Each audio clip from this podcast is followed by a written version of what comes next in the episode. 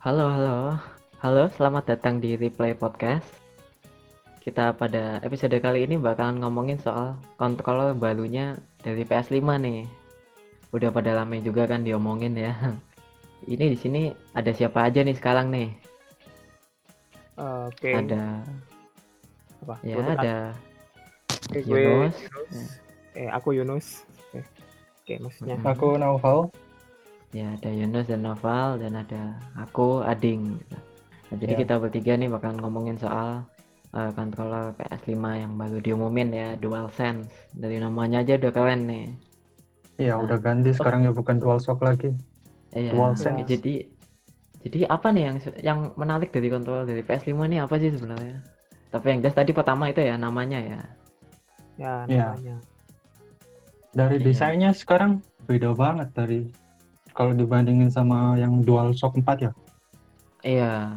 Jadi kayak dari mereka tuh ngebedain namanya kan biasanya kalau dari PS1 2 3 4 itu kan continuity-nya tuh kerasa gitu. Jadi kayak DualShock 1 2 3 4 gitu kan. Nah, jadi dengan mereka eh, ngasih naming sense yang berbeda, penamaan yang berbeda tuh jadi mereka kayak pengen ngasih tahu ini loh kita ada dobrakan baru gitu loh. Ini kita ini next gen gitu. Beda sama yang kemarin-kemarin nih gitu. Mungkin dari perspektif aku sih gitu, makanya dinamainnya beda nggak DualShock lagi gitu. Iya. Dari desainnya sekarang lebih futuristik gitu ya. Oh iya sih. Jadi Warnanya kayak- sekarang Hmm. Hitam Jadi kayak putih. nunjukin bener-bener kayak next generation console gitu ya. Iya.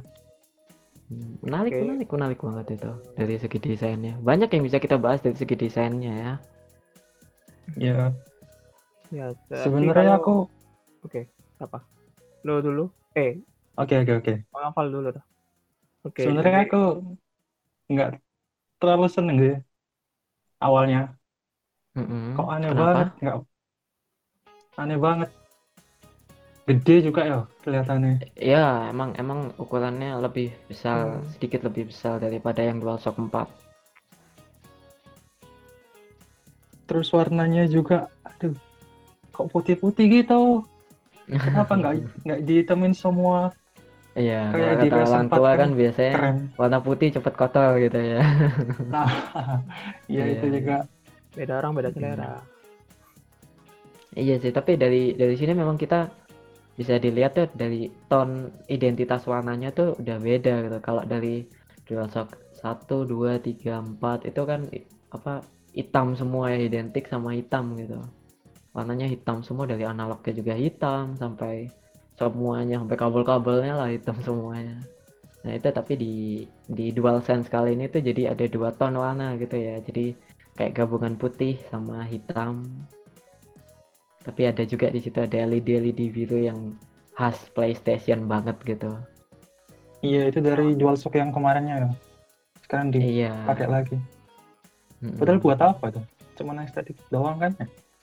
Mm, enggak juga sih. juga. Kalau kita ngomongin LED itu kita lebih kayak em, ada fiturnya sih. Jadi kayak atmosferik kayak misalkan kamu lagi main game God of War gitu misalkan terus kamu eh, darahmu sekalat atau kamu eh, ngaktifin rage-nya gitu fiturnya dia itu nanti kontrolnya LED-nya bisa berubah warna gitu. Iya iya iya. Sama kayak yang Iya. di Until Dawn itu loh. Kalau pas Iya. ada musuhnya datang terus jadi warna merah. Iya, adaptif iya. gitu. Adaptif. Jadi menyesuaikan dengan eh, kondisi di gamenya itu. Jadi Iya, Hmm. sebenarnya penerapan kayak gini tuh sudah lama di gaming game PC gitu ya. Cuman di konsol ya juga jarang perlu ada gitu. Mungkin menurut Sony seperti itu. pribadi. Hmm. Iya. Terus dari selanjutnya itu eh, ukurannya yang tadi Novel bilang itu ya, ukurannya tuh jauh lebih Iya. besar daripada yang Ya, dari- dibandingin sebelum-sebelumnya gitu.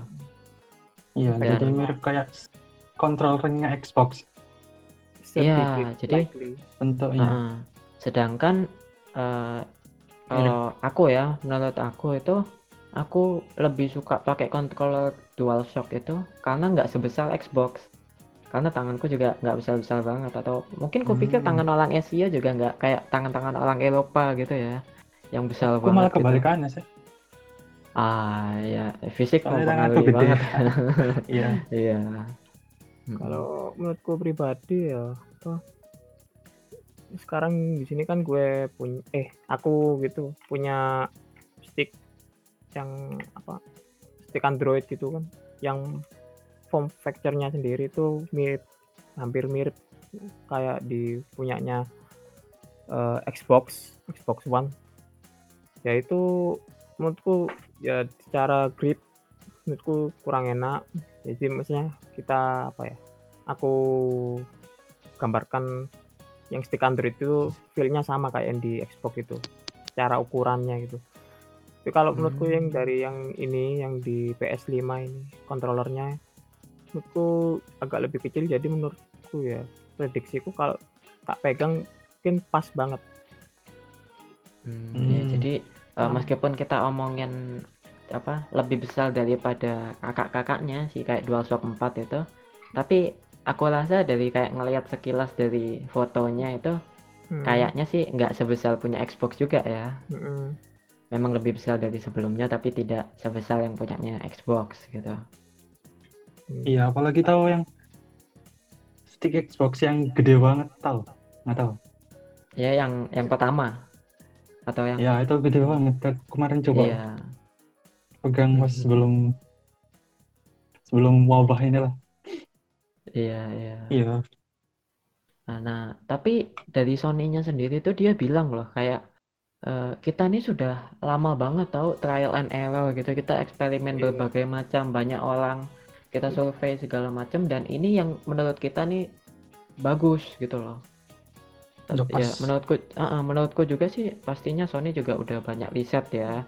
katanya kan Tapi ya- juga itu sih, apa kayak tentang yang riset itu katanya kan manggil apa nyewa orang gitu atau ya ngundang gamer gitu katanya buat Ah ya, ya memang memang harus Mm. harus seperti itu memang kan untuk dapetin data data Mm. konkret dari lapangannya gitu. Mm, tapi ya Hmm. menurutku eh, menurutku risetnya kayaknya cukup serius deh. Soalnya kalau kita em, kita ngelihat sedikit gitu ya dari fitur PS5 yang kayak 3D audio atau apa itu, Hmm, itu dia kayak eh, jadi ada kayak satu ruangan kedap kedap suara gitu. Dan di situ dia eh, eksperimen soal eh, berapa desibel yang cocok sama eh, orang ini dan ini gitu. Jadi nanti ada diagram grafiknya Eh, itu sempat ditunjukin di di di live stream teknikal Yang kemarin itu ya. iya. Nah ya jadi menurutku kalau Sony sudah seserius itu nggak mungkin kontrolnya juga di digampangin. Soalnya itu kan eh, kayak eh, jembatan antara konsol dengan playernya gitu nggak boleh digampangin dong gitu. Bahas itu. kenapa? Aku lima menit udah keju, udah ketiduran. Di press conference yang kemarin. Iya, ya memang itu ada salah paham juga sih kan sebenarnya udah jelasin nih. Wah, bakalan ada technical live stream yang ngebahas tentang arsitekturnya, hardware-nya, tapi hmm, orang-orang kan pada udah excited banget. Gila nih game apa aja nih yang eksklusif nih atau wah ada ada date reveal kah gitu, launch date-nya ngarepnya kapan? paling- ya orang-orang ngarepnya malah ke bentukan PS5-nya malah bukan ke Iya, tapi sebenarnya ini sudah kayak sneak peek nggak sih dengan Sony ngasih tahu ini wujud controller kita, desain controller kita. Ah, berarti itu kan cerminan dari desain konsolnya juga kan? Nggak Hmm, mungkin iya. dong kalau bertolak belakang gitu jauh beda. Pasti sekilas tuh bukan sekilas apa ya 11 12 lah gitu. ya kayak bentuknya apa PS5 itu. yang apa buah gak apa gak jatuh dari pohon gak jauh dari pohonnya gitu Ya. patah-patah gitu. heeh. Mm-mm. Nah ya terus eh, selanjutnya itu eh, tombol-tombolnya itu tembus pandang gitu jadi kayak kristal gitu. Hmm. Ini menarik sih gitu. Heeh. Jadi u- udah warna putih terus eh, kayak bening gitu kayak kristal jadi kayak tambah clean and slick aja gitu elegannya kelihatan. Nah tapi tapi kalau menurutku heeh. pribadi ya yang tombol kotak segitiga bulat X itu menurutku kalau dibikin hitam putih itu kagak kayak ya monoton gitu aja mengikuti desainnya cuman kayak meng, justru menghilangkan uh, ciri khas dari apa, kons apa, controller dari PlayStation itu sendiri. Eh, iya maksudnya kayak eh, yang X itu Merah, biru, kotak biru. itu merah ya kan, terus Nah, segitiga itu hijau gitu. salah satu identitasnya iya. malah. Di Ya tapi tapi nggak menutup kemungkinan kan nih, ini karena apa tembus pandang gitu, tombolnya jadi di situ di bawah situ mungkin ada LED yang hijau. Oh, Ya, Tuh, jadi, ya kan itu bisa itu jadi. jadi lebih futuristik next gen lagi gitu bagus. ya. Heeh, RGB RGB gitu. ya itu itu menarik sih kalau beneran kejadian gitu. Dan jadi kayak ada backlight-nya gitu kan. Jadi jadi di tempat gelap pun masih enak mainnya gitu. Hmm. Mm-mm. Ya, semoga aja Hmm. kalau ada semoga aja ada beneran fitur kayak gitu di ya kayaknya masih rame juga yang budaya orang apa gamer itu kalau apa ya kalau nggak RGB itu kayak ada yang kurang gitu Iya di PC, tapi kalau di konsol kan nggak seberapa ini ya, soalnya kan customiza- customizable-nya juga tapi kan eh, di, nggak di selame di PC. control PS4 kan apa ya warnanya kan di LED-nya kan juga bisa ganti-ganti kayak ya RGB gitu kan di di Steam iya sih bisa diganti RGB sesuka hati, tapi kalau di di PS4. PS kalau di PS4 sepengalamanku ini nggak tahu kalau salah mungkin dari pendengar ada yang bisa ngoleksi ya. Eh, menurut pengalamanku di PS4 itu itu cuman bisa ngatur kayak eh, brightness-nya gitu loh kayak dim atau height gitu. Ya dan bahkan Hmm. beberapa orang tuh sampai eh, selalu ngerendahin brightness-nya buat eh, ngehemat eh, lifespan baterainya Baterai gitu gitu biar ya. bisa main lebih lama. Hmm. Ah, oke oke. Iya. Atau mungkin di update software yang baru mungkin bisa diganti-ganti RGB-nya juga kurang tahu. Udah lama nggak pegang PS4 juga soalnya. Iya aku juga em, lihat doang sih jadi Ya, tahu. mungkin nanti pendengar bisa di komen-komen juga ya, kasih tahu kita kalau udah bisa sekarang gitu. Eh, selanjutnya eh, yang menarik dari DualSense ini eh, masih sama menggunakan touchpad ya. Touchpad. Di situ ada touchpad jadi kayak laptop gitu ya.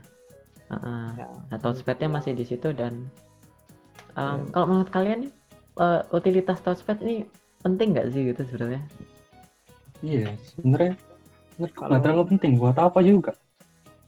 Buat Mm-mm. ngetik-ketik gitu ya. Iya. Terus selain itu buat apa? gimana? Touchpad bukannya itu ya kayak bisa jadi kayak mouse gitu kan ya di di PS-nya itu. Jadi Em, pengalaman gim- ading itu waktu punya PS4 em, gini ya waktu aku main di PS4 itu Hmm.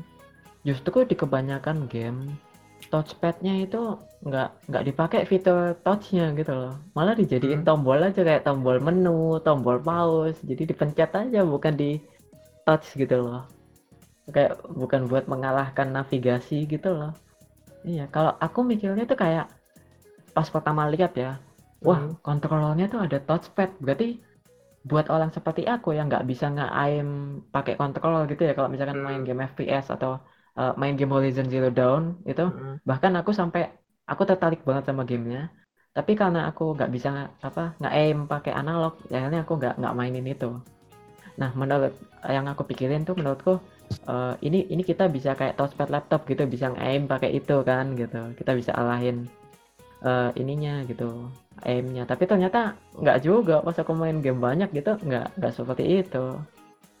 Hmm, Nggak terlalu Malah- guna ya. iya malah kayak apa sih tombol tambahan aja kayak di Final Fantasy 15 ya. Itu cuma buat buka menu aja gitu kayak buat buka menu party Mhm. menu apa gitu. Iya jadi kayak miris juga sih. Tapi aku kayak dengar ada beberapa game yang memang eh, eh, bisa maksimalisasi utilitas dari touchpadnya itu kalau nggak salah dengar Killzone atau apa gitu aku juga kurang tahu sih nggak main kangen Heeh. tapi memang mendingan ada sih ya daripada nggak ada gitu kan Iya, Iya. iya. Fitur Ah, baru. nanti Bagus. Iya, Lumayan. nanti eh, penggunaannya maksimal atau enggak itu kita serahkan ke masing-masing developer aja gimana mereka maksimalin itu Tapi- semua. Implementasikannya gimana ya? Jadi aku mau tanya dulu nih apa yang touchpadnya ini bisa buat jadi kursor mouse gitu kan Em, kalau di PS enggak, tapi kalau kamu colokin ke PC pakai Steam atau DS4 Windows gitu bisa, bisa kamu customize semua gitu. soalnya gini ya apa sepengalaman aku gitu di PSP terutama kan ada browser gitu ya di PSP itu. Mm. Itu ya, ada kursor kayak di mouse kayak mouse gitu. Cuman menurutku pakai kan itu ngontrol kursornya mouse-nya itu pakai analog. Ah, iya, Nah, iya makanya kayaknya itu- di browser PS4 bisa deh Ah. kayaknya. Jadi lebih ke accessibil akses, akses- accessibility-nya ke fitur PS4 itu sendiri maksudnya bukan ke gamenya tapi melainkan ke apa ya homebrew gitu atau add-on di PS4-nya itu kayak ya browser Iya, Gitu, tapi kan Terus gimana pribadi ya kan belum belum pernah sih. kan dimasukin ke gamenya juga gitu loh kalau ada Iya sih. fiturnya. kayak mengikuti apa ya ya kompetitornya PlayStation itu which is Nintendo itu semua fiturnya dipakai semua di game jadi bukan Hmm. sekedar gimmick saja Iya, itu itu penting juga ya. Em, terus selanjutnya eh, LED-nya udah nggak di depan lagi nih si DualSense ini. Kalau dulu kan eh, di depan gitu ya, jadi kayak di tengah-tengah eh, Hmm, trigger iya, buttonnya gitu. liga gitu kan bentuknya Iya, jadi di tengah-tengah gitu. Kalau menurut kalian nih gimana? Sebenarnya penting nggak sih ada LED seperti itu gitu? Hmm, sama itu menurutku pribadi minimalis sama man ya minimalis terus agak ada kurangnya mungkin buat kalau yang tujuannya yang di PS4 itu kalau menurutku pribadi itu kayak apa ya, penanda gitu. Kan itu apa kalau kamu bermain apa, multiplayer itu kan ada penandanya kalau player satu itu warna apa gitu. Ah, iya ya. kalau menurutku pribadi itu kalau ini fungsinya sama kayak yang di PS4 itu. Terus warnanya ya sekecil gitu ya kayak agak kurang gitu cuman Hmm. kalau dari segi kalau pakai solo gitu atau sendiri gitu ya cukup bagus sih soalnya kan kamu main itu kan pasti lihatnya dari atas ini nggak mungkin kalau yang di PS4 kan ngadepnya kayak mobil lampu mobil itu kan kayak Iya, nah, Iya jadi di depan. di iya. depan Yang itu yang menarik antara Eh, R1 R2 itu Iya, yang menarik itu generasi pertama dari DualShock 4 Hmm. itu kayaknya sebelum PS4 Slim keluar ya. Itu masih di depan doang. Tapi begitu eh, dis- jadi kayak DualShock 4 ini mengalami perubahan desain gitu lah. Di kayak barengan sama PS4 Slim kalau nggak salah itu dia di touchpad-nya tuh ada LED lagi kayak Iya, ada. Iya. Ah, ah. itu jadi mungkin Sony kayak tahu di situ ada salah gitu. ya mungkin Tapi ini nih ada yang ada yang ngeluh juga nih waktu aku lihat-lihat gitu kan di forum-forum gitu. Ada yang ngeluh LED-nya tuh dibuang aja sih kenapa sih? Kenapa kayak mereka tuh kesel banget sama itu loh. Mereka tuh bilang waktu mereka lagi main itu hmm, eh, si LED-nya yang terang ini mantul di kaca TV atau monitor mereka dan itu merusak Oh. banget experience mereka gitu loh. Iya. reflektif gitu ya Iya dan itu menarik sih gitu. tidak itu dari segitunya sendiri sih monitornya tapi ya gak nyalain Iya. monitornya juga Ya memang tergantung juga kan dari panel monitornya dia TN atau Hmm. IPS atau apa. ya mungkin pure main di TV gitu mungkin Iya. Jadi lebih bagus kan kalau di pindah ke bagian dep- apa namanya ya Iya, depan Samping- atas samping. atas gitu ya. atas ya. Iya. Daripada di depan kan nggak nggak kelihatan juga malah mantul kayak Hmm, yang kamu bilang ini tadi. Iya. atas itu sih apa Hmm. faktornya pindahnya ke atas Iya, tapi eh, dari dulu pengalamanku main nggak pernah nemu masalah kayak gitu sih. Toh soalnya brightness-nya bisa diturunin juga gitu. Tapi entah Mm-mm. ya, yang aku temuin di forum banyak yang bilang begitu sih gitu. hmm, Mm-mm. Nah, terus yang yang menurutku yang paling penting banget ini nomor satu nih eh, jacknya tuh masih ada di situ jack 3,5 mm nya tuh loh buat headset itu kayak wow Oh. itu kayak penting banget nggak sih gitu? Yang di era zaman sekarang tuh udah mulai banyak yang dibuang dibuang gitu. Handphone. Heeh. udah sejak iPhone 7 itu. Yang jack itu udah gak ada lagi itu. Kayak iPadnya udah langka gitu. Lubang jack. Iya, justru itu Iya. itu penting gitu loh menurutku. Itu kayak hal yang krusial gitu. Sony masih lebih milih ada jack itu ya ya bagus iya, ya toh nggak semua player player-player juga punya wireless headset gitu kan. Hmm. Toh nggak enak juga. Mungkin ada yang nggak suka kalau pakai baterai headsetnya, lebih suka yang pakai kabel itu kan perlu diperhatikan juga. Iya. Kira Nah, itu salah satu hal yang patut diapresiasi sih gitu. Em, Balik ke tapi itu desainnya kok. Sebentar.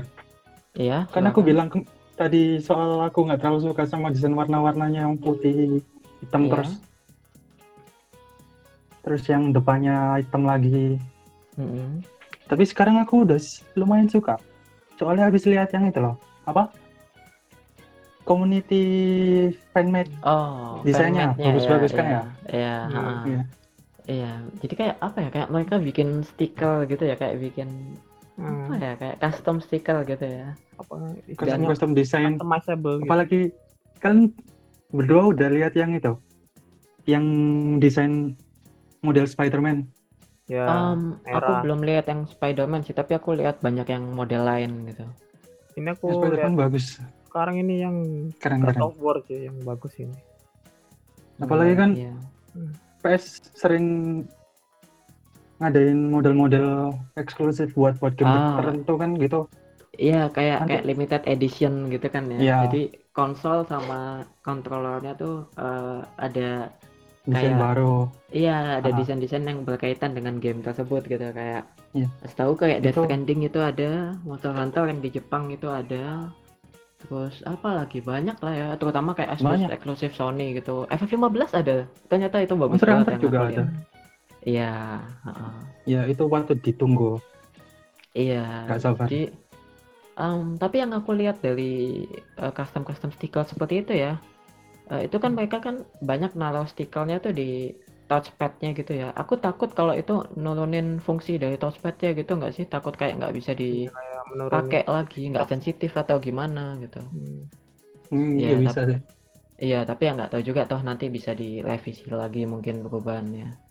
Ya, mungkin Iya. dari apa yang usaha mungkin ada ya apa ya kayaknya di luar negeri itu kan ada yang kayak yang bikin garskin gini gini buat stick itu Tapi Iya. seingatku buat khusus buat itu aja sih Xbox controller aja sih Hmm, yang- iya. Tapi kalau Xbox itu menarik kan ya. Aku aku, aku kan pernah cerita kayak em, itu loh yang di websitenya Xbox. Jadi kamu nih bisa jadi Xbox tuh nyediain satu website. Kamu di situ bisa eh, pesan pesan controller Xbox apa ya Xbox One S atau apa gitu. Yang elite itu tak elite Oh, enggak, controller. enggak. Enggak, ini Xbox biasa gitu. Cuman dia tuh bisa di custom gitu loh, bisa di custom kayak kamu mau warna apa, terus eh, mau kayak Ah, yang fitur-fiturnya tuh banyak jadi casingnya tuh bisa kamu sesuaiin gitu loh kayak misalkan yang bagian belakang warna apa bagian depan warna apa tombolnya warna apa dan itu disediakan gitu loh difasilitasi oleh Xbox dan eh, aku nggak pernah tahu kalau PlayStation pernah ngelakuin itu kayaknya enggak deh ya gitu hmm. ya aku cuma mungkinnya kayak di pihak ketiga sih kayak iya ya jelas sih kalau pihak ketiga tuh pasti ada Nah, terutama kayak merek-merek besar kayak Razer gitu kan ada tuh yang sampai 2 juta, 3 juta kontrolernya. Padahal buat aku tuh kayak kontroler PS4 itu udah 600 ribu sudah kayak wow mahal banget gitu. Aku aku punya PS4 aja nggak pernah loh punya apa kontroler yang kedua gitu DualShock 4 yang kedua buat main multiplayer gitu nggak pernah lah. Aku cuma punya satu doang gitu dari dari beli PS4 ya udah kebawa sama itunya aja udah nggak beli lagi.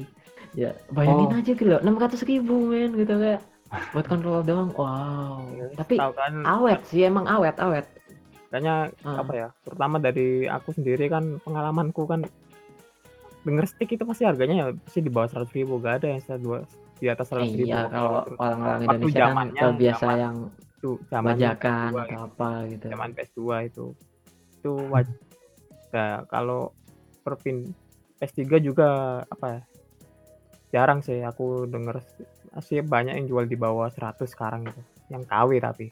Iya kan beda lah sama yang oli Kalau- tentunya kualitasnya. kalau orang dari apa ya yang dulu main bajakan pindah ke yang original gitu terus lihat tahu juga kalau controller yang sering dipakai dari dulu itu ternyata KW gitu terus kaget yang itu ya kayaknya sih wajar sih.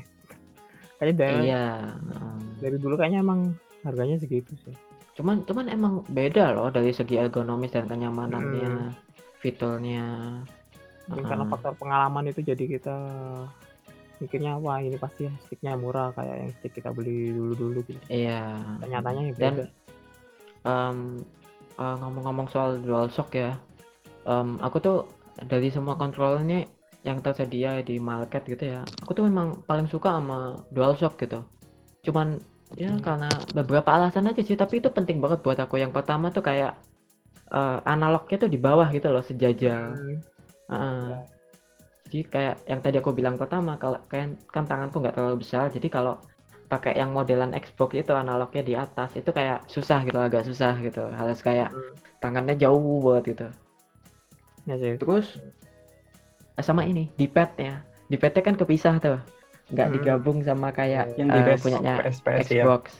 Iya, dan itu aku kayak bersyukur banget sih itu kayak enak banget gitu loh kalau dipakai eh, terutama game-game kayak game-game yang butuh akurasi di pad kayak misalkan game fighting, Tekken, Street Fighter gitu-gitu. Itu kan bu- butuh eh, kombinasi combo yang tepat gitu loh. Kayak Hmm. kamu selong atas sama depan aja udah beda gitu loh inputnya kan.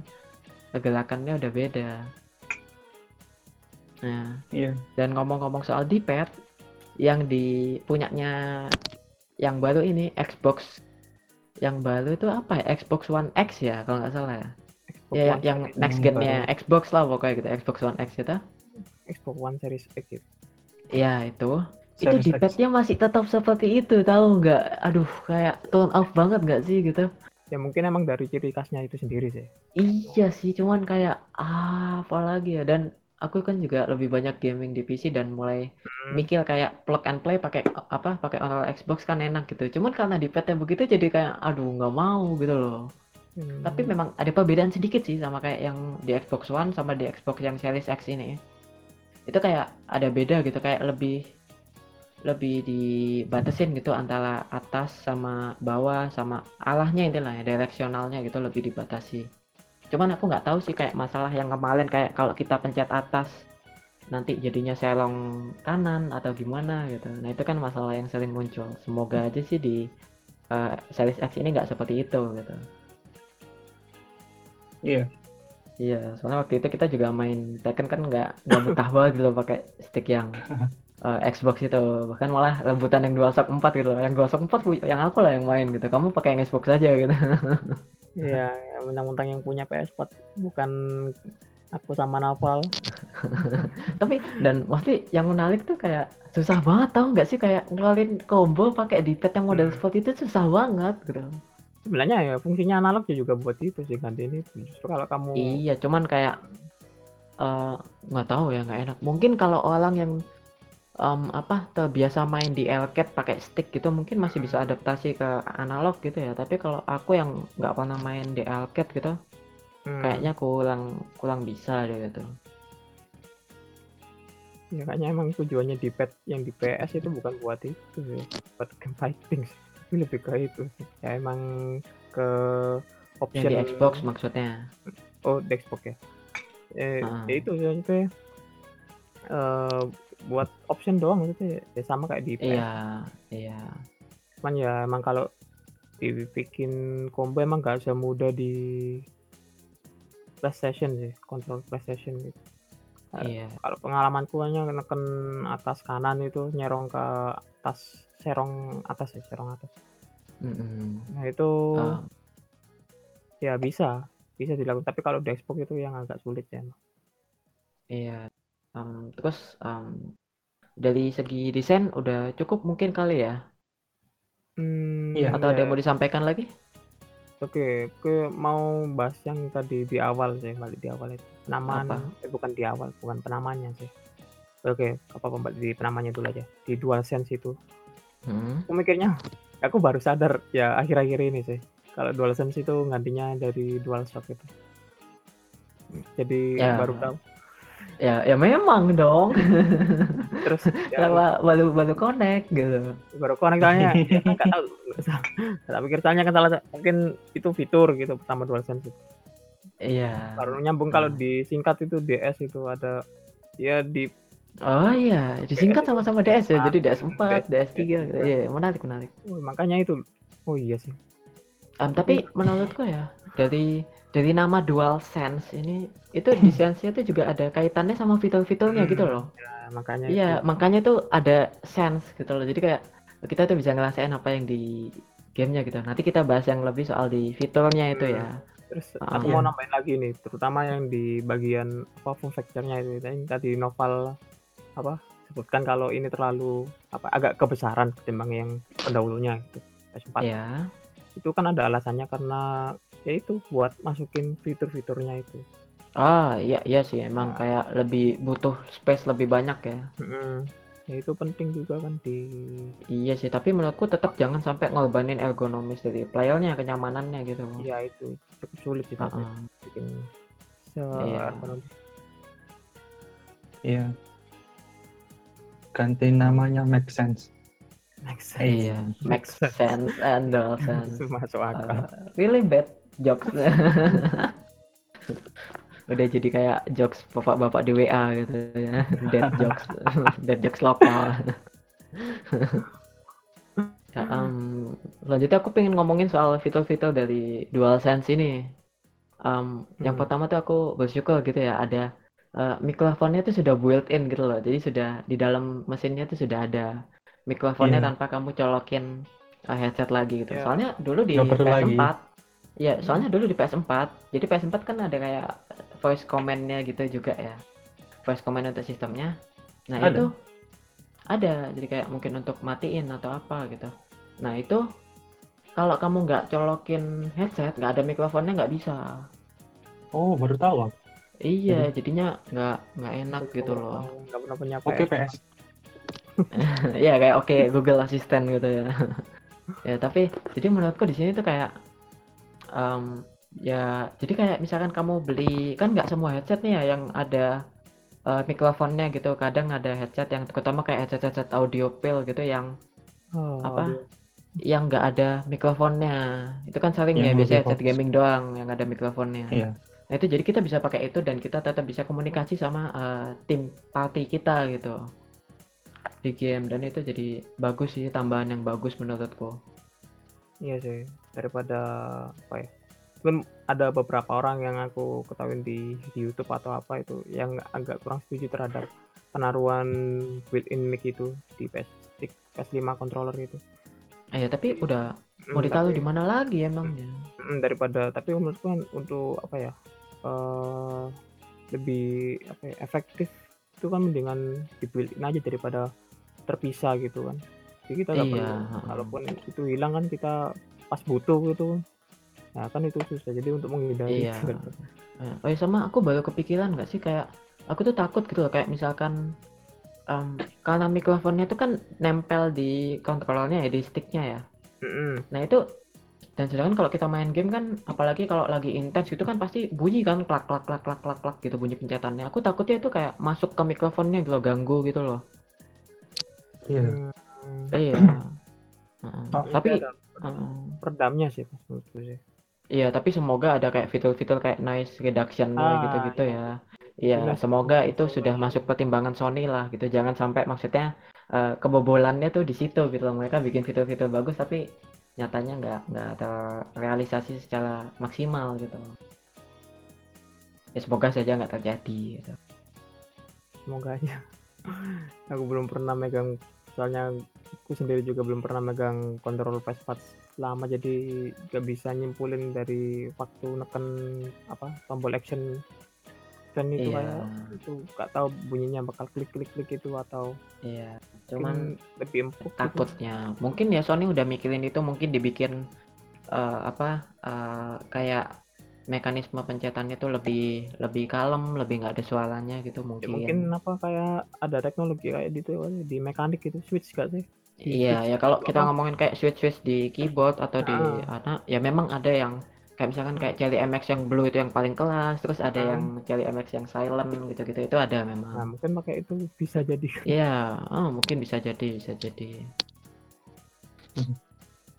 Em, selanjutnya ini nih yang perubahan yang sangat drastis dari DualShock 4 ke, ke DualSense ini eh, interface-nya beda nih. Dia udah pakai USB Type C udah nggak pakai USB Type B lagi nih gitu Kita micro USB Nah, jadi kayak menurut menurut kalian nih gimana nih USB Type C di uh, controller controller game gitu Oke, bagus lah. dulu.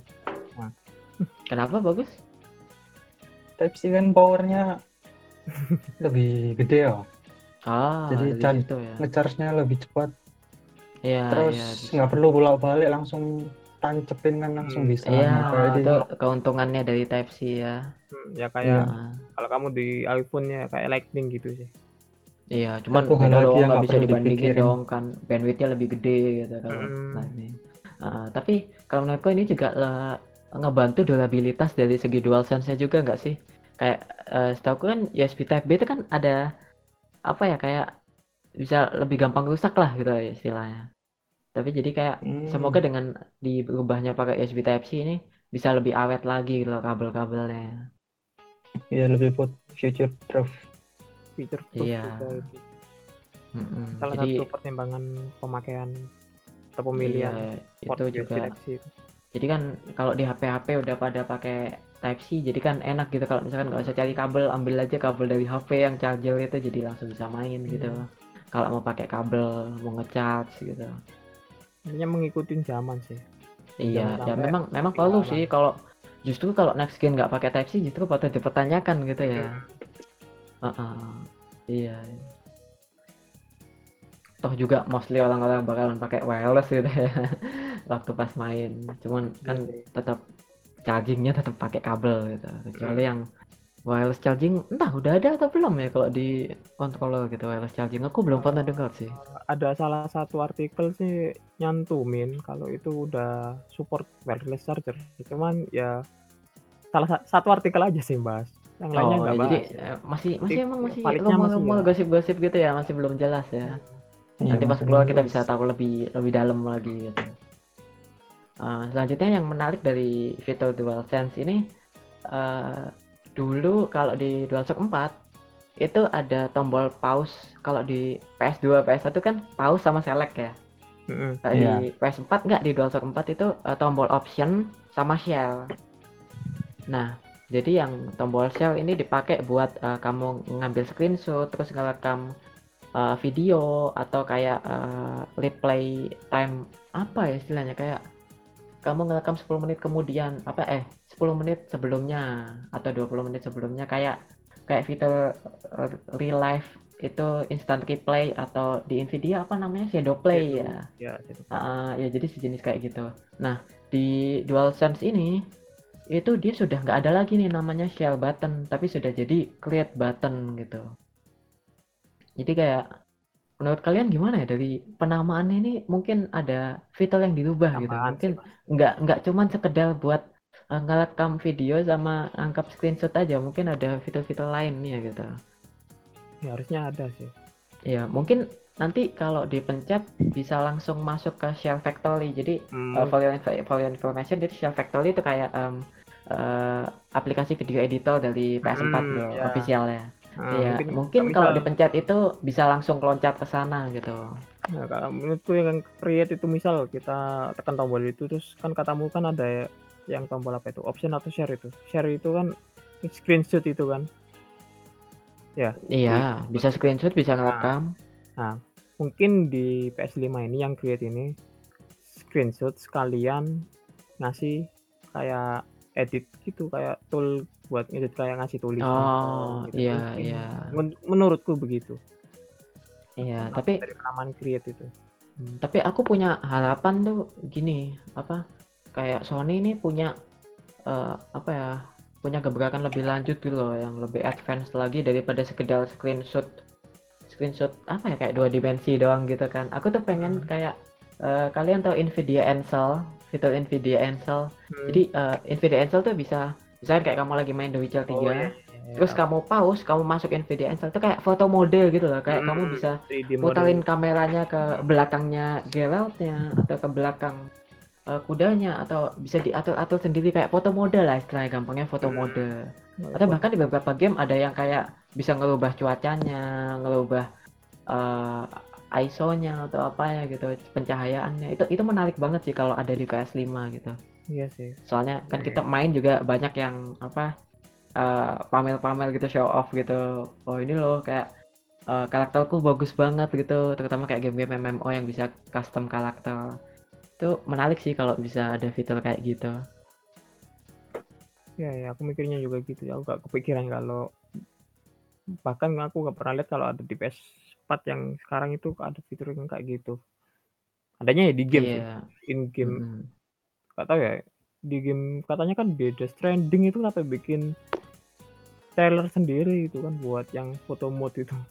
Oh iya. Jadi kayak kayak salah satu ketertarikannya emang fitur yang ditonjolkan gitu ya iya foto mode gitu kan yang fungsinya ya Heeh. kayak di Ansel itu Nvidia Ansel gitu. Iya, tapi dari pengalamanku ya, nggak tahu yang lain gitu ya, usual PS4 yang lain, tapi dari pengalamanku dulu eh, pas main Final Fantasy 15 di PS4 itu kayak pas aku mencet ya nggak selalu sih, tapi cukup sering gitu kayak pas aku mau ngambil screenshot atau mau ngerekam itu kayak delaynya kerasa banget gitu loh kayak terasa banget kayak power mesinnya tuh kayak kurang bisa memenuhi fitur itu gitu loh. Hmm.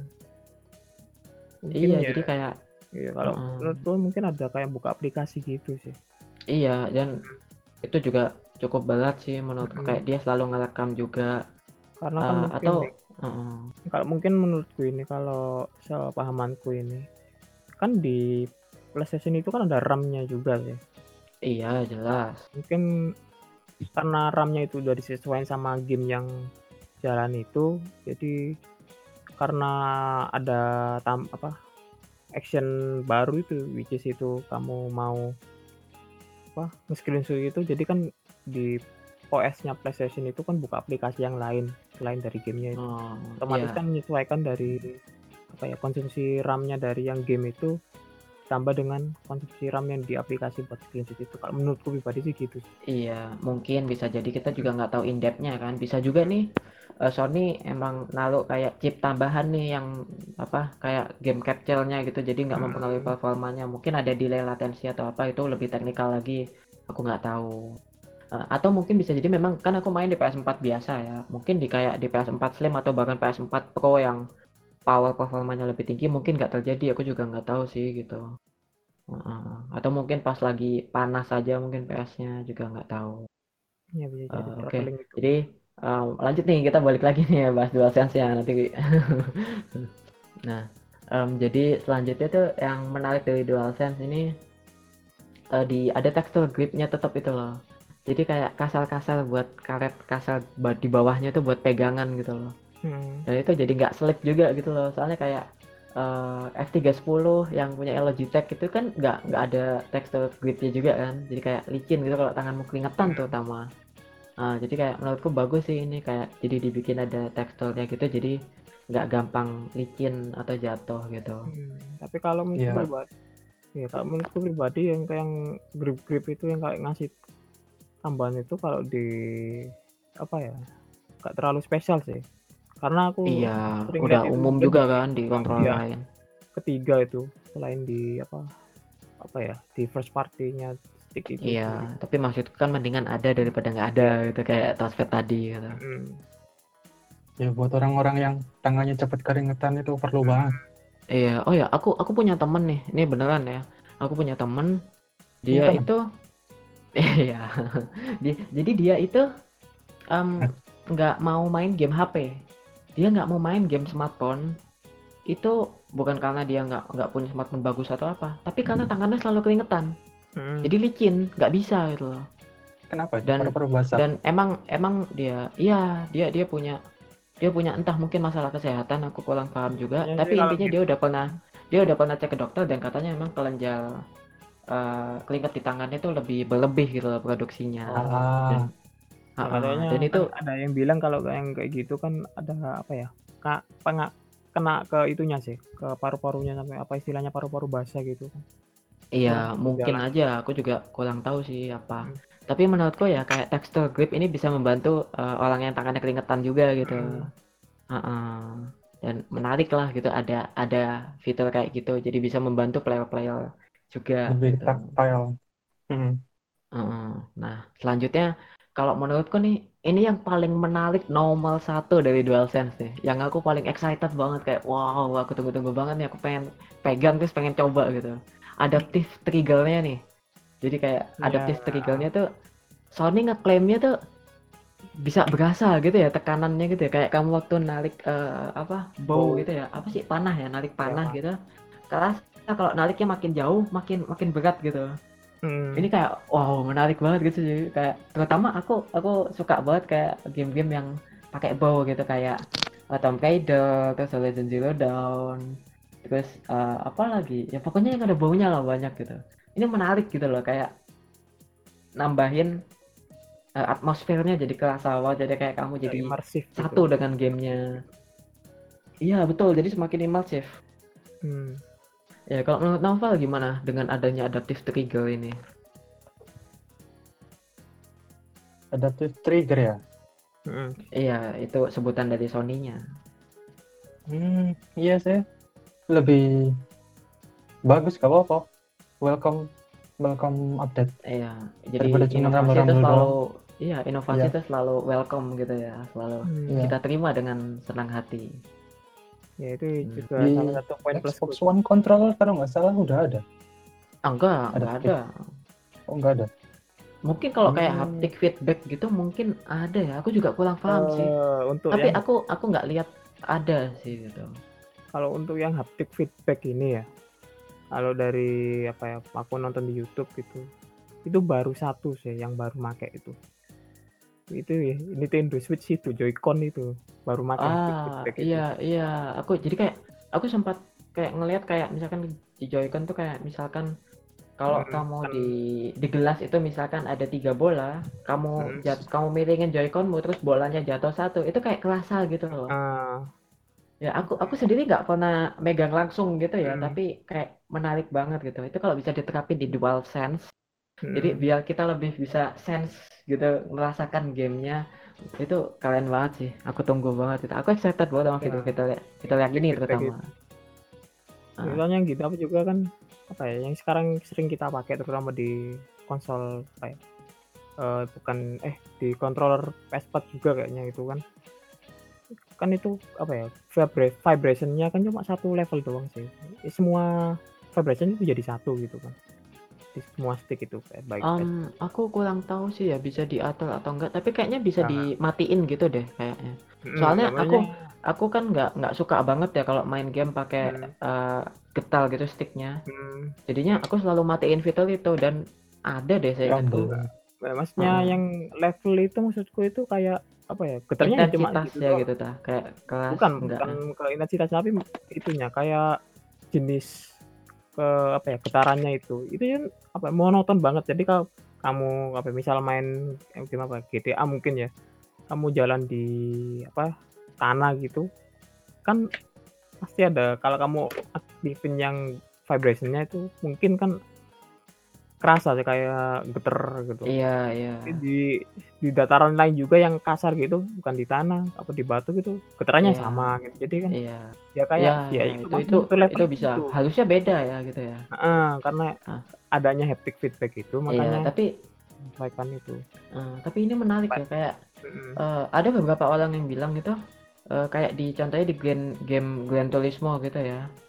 Eh, di DualSense ini tuh dianggap ini bakalan kerasa nih kayak misalkan kamu lagi ngelewatin eh, jalan yang bergerigi apa sih banyak nggak halus Iya, gitu lah. Ya itu kayak harusnya tuh bisa kamu rasakan di controllermu secara langsung bukan cuma sekedar getaran bukan biasa getar kayak satu bilang. ya getar di stick biasa yang kita sering pakai di rental atau di apa gitu itu sebenarnya Iya, pasti iya pasti beda gitu kayak the next level of rumble gitu ya. ya makanya ini kan kalau contohnya salah satu contohnya lagi kan di apa ya, di Joy-Con-nya Nintendo Switch itu kan tentang haptic tentang haptic apa ya, haptic feedback itu kan apa ya, ada gelas dikasih es batu gitu kan kalau gelasnya kamu goyang-goyangin yang ada es batunya itu kan pasti kayak ya kerasa ting ting ting ting. Iya, iya. Ya, makanya itu aku penasaran banget sih ya Iya, makanya aku juga aku juga excited banget nih aku nunggu nih. Jadi kayak se- segimana sih rasanya gitu imersifnya ke game dengan adanya fitur adaptive trigger yang baru ini gitu dari DualSense. ya itu makanya kalau Ya, eh, mungkin dari kalian ada yang mau diomongin lagi soal fitur atau desain? eh, aku aku lihat dulu di fiturnya tadi udah tak ah di sini Bentar. Hmm, Oh ya, kita juga belum ngomongin soal harganya ya.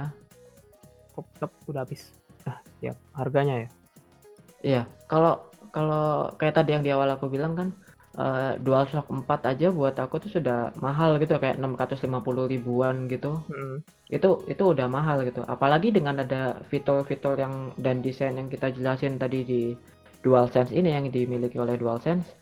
Aku takutnya tuh jadi kayak jadi mahal banget gitu loh.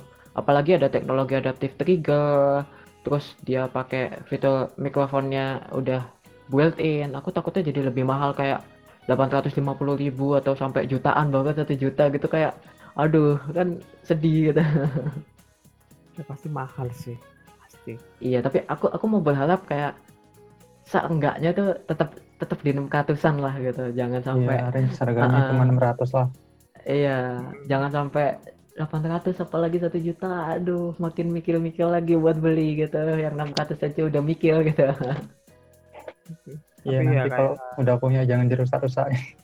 Iya, apalagi buat yang Jangan beli-beli gitu kayak kayaknya orang Indonesia nggak ada deh mungkin itu. Itu kalau di orang Oh. luar gitu kan mungkin karena belinya Ah. pakai dolar jadi nggak terlalu berasa mahal bisa dibanting gitu. Kalau di Indonesia kan emang Hmm. dielus-elus gitu ya. Um, apa kayak yang apa ya kalau kamu main game-game terutama Souls like gitu kan banyak sih orang yang Iya, komen-komen ya emang sih ada Stick game yang bisa dilempar, banget gitu. Ya, aku Oh. mentok marah itu mukul barang bukan melempar stick ya karena tahu stick itu mahal Gitu. Iya, paling aku kalau kalau mentok kayak Let's Quit gitu apa ya? Paling aku aku langsung aku tutup gamenya, aku matiin PS4 ya, aku tinggal apa gitu. Kalau masalah Rage Quit aku no comment. Nah iya, Novel kayaknya juara nomor satu soal Let's Quit ya. Nah, Ah. sudah sudah berapa device yang jadi korban ini? Ah. no comment. ya udah korbannya aku gak pengen nyebutin kasihan banget pokoknya Bahas lain waktu aja.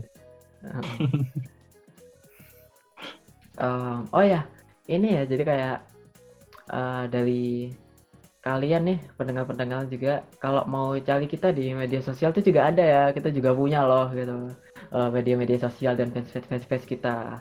Eh, kalau di Facebook itu kalian bisa cari kita di @replaycreative_network di Instagram bisa cari di @networkreplay dan di Anchor di platform podcast kalian bisa cari di anchor.fm slash replay 4 gitu.